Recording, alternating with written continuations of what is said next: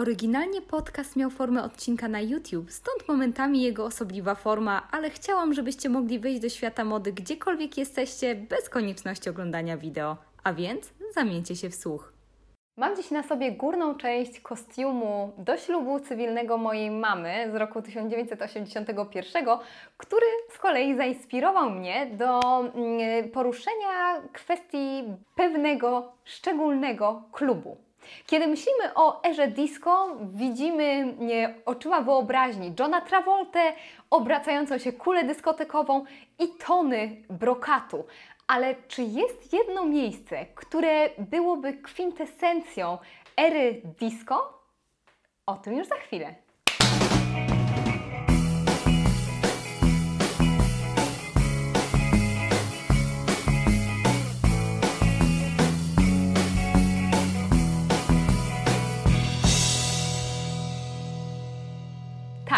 Istniało takie miejsce.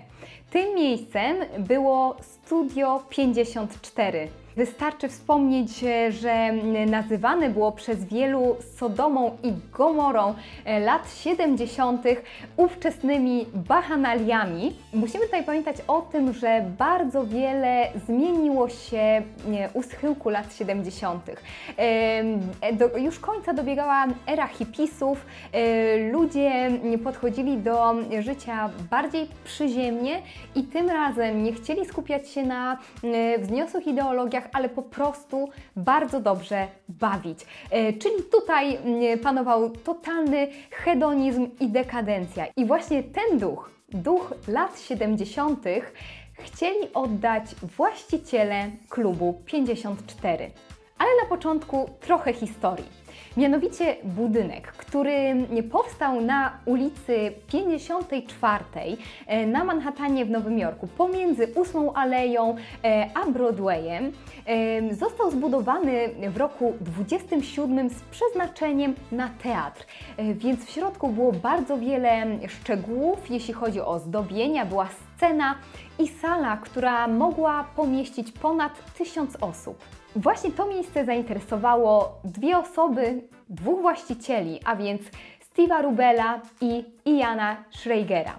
W zaledwie 6 tygodni za kwotę 400 tysięcy dolarów, co było bardzo dużą kwotą jak na, tamte, jak na tamte czasy, wyremontowali miejsce i zupełnie inaczej podeszli do tego lokalu. A więc wynajęli najlepszych architektów, projektantów wnętrz i speców od y, ustawiania światła na scenie. Otwarcie klubu, klubu 54, przypadło na 26 kwietnia roku 1977. Początkowo prasa nie wróżyła temu miejscu zbytniej popularności. Przede wszystkim y, prasa zwraca uwagę na to, że y, samo miejsce nie jest położone w zbyt dobrej dzielnicy. Dookoła tak naprawdę znajdowały się niemal wyłącznie y, kina erotyczne, Stąd też e, prawdopodobnie osoby, które były znane i cieszyły się pewnego rodzaju renomą, nie będą tam e, przebywały, ale nic bardziej mylnego. Tej nocy, czyli 26 kwietnia, ustawiły się kilometrowe kolejki pod wejściem. Już od dnia otwarcia klub zaczął sam pracować na swoją sławę. Pamiętajmy o tym, że mieścił ponad tysiąc osób i niemal zawsze był wypełniony po brzegi. Jednakże tak naprawdę y, sam szczyt popularności przypadł na y, kilka tygodni później na czas urodzin Bianki Jagger, a więc byłej żony Mika Jaggera z Rolling Stonesów. Dlaczego? Zdjęcie Bianki Jagger, która y, wjeżdża do klubu na białym rumaku prowadzonym przez nagiego mężczyznę, obiegło całą prasę. E, to było na tyle bulwersujące, gorszące dla opinii publicznej, że każdy chciał zajrzeć, co też się dzieje za drzwiami lokalu. Na wielu zdjęciach e, ze studia 54 będziecie mogli zauważyć słynne osoby. Nie sposób ich teraz wszystkich wymienić, ponieważ można to liczyć w setkach. E, bywał tam nieustannie Andrew Warhol, był tam e, Truman Capote, zespół Blondie, Grace Jones, na przykład Donna Summer, więc cała śmietanka, włączając oczywiście zespoły rockowe, takie jak na przykład Rolling Stonesi, każdy chciał tam być. Stąd też bardzo ciekawym zjawiskiem było to, że nie był to klub dla VIP-ów. Zwykli ludzie bawili się na tym samym parkiecie jak e, gwiazdy i tak naprawdę nie zwracali już na siebie po pewnym czasie uwagi. Studio 54 słynęło również ze swoich imprez tematycznych. Czyli jeśli na przykład e, Rubel i Schrager chcieli upamiętnić powstanie filmu Grease, do całego lokalu były wprowadzone samochody z lat 50., szafki szkolne, żeby nawiązać do klimatu filmu. Jeśli miała zjawić się w klubie Dolly Parton, sprowadzano konie, osły i siano, żeby przypominało to rancho w Teksasie. Na Sylwestra e, na przykład zrzucono 4 tony brokatu, e, który miał sprawiać, żeby ludzie czuli się jakby chodzili po powierzchni księżyca dekoracje, które były tam obecne, e, czyli na przykład e, mechaniczny księżyc karmiony łyżką, wiele osób mówiło, że jest to łyżka z kokainą, sprawiały, że e, ten klub stał się kultowy, stał się symbolem właśnie tamtej epoki. Ludzie tańczyli na scenie, co Warhol zresztą skwitował dosyć trafnie, że potwierdza to jego teorię o 15 minutach sławy, ponieważ każdy chce być przez chwilę znany, a tam zwykły śmiertelnik mógł wejść na scenę, zatańczyć obok na przykład Mika Jaggera i po prostu bardzo dobrze się bawić. Oczywiście Studio 54 cieszyło się również swą y, nieco gorszą, nieco bardziej kontrowersyjną sławą ze względu na wszechobecną kokainę, wszelkiego rodzaju narkotyki, które były często rozdawane za darmo, szczególnie osobom znanym. Znane są historie stałych bywalców, którzy mówią, że potykali się o zwinięte e, banknoty 100-dolarowe, e, których nikt nawet nie podnosił, tylko wiadomo, wykorzystywał w innym celu.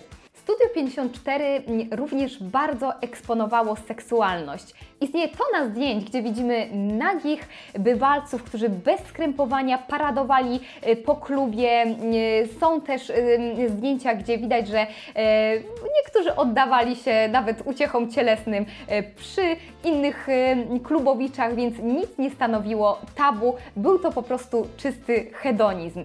Rubel i Schreiger zdali sobie sprawę z tego, jak istotną rolę, jeśli chodzi o muzykę klubową, odgrywa dobór odpowiednich DJ-ów. Sprowadzali najlepszych i tak naprawdę przyczyniali się do popularności wielu artystów.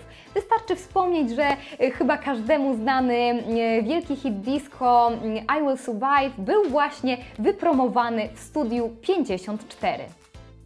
Rubel i Schreiger mm, zadbali o każdy szczegół, który mógł przyczynić się do wykreowania atmosfery właśnie w studiu 54, a więc nawet e, kelnerzy byli specjalnie dobierani, byli to najprzystojniejsi e, faceci, jakich mogli znaleźć, tak zwani bus boys, którzy mieli na sobie skąpe shorty, często jeździli po klubie w rolkach, nie mieli na sobie oczywiście koszul, więc byli zachęcani, żeby bardzo dobrze się bawili, w żadnym razie nie byli służalczy, jeśli chodzi o obsługę, Wręcz przeciwnie, żeby zachowywali się jak gwiazdy roka i przyciągali zwykłych śmiertelników.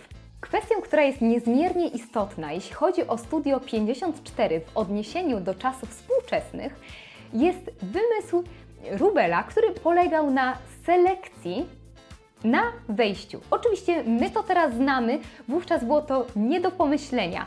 Rubel doskonale wiedział, jak działa psychologia ludzka, wiedział doskonale, że to, co zakazane i niedostępne, sprawi, że tłumy będą przychodziły do lokalu jeszcze chętniej.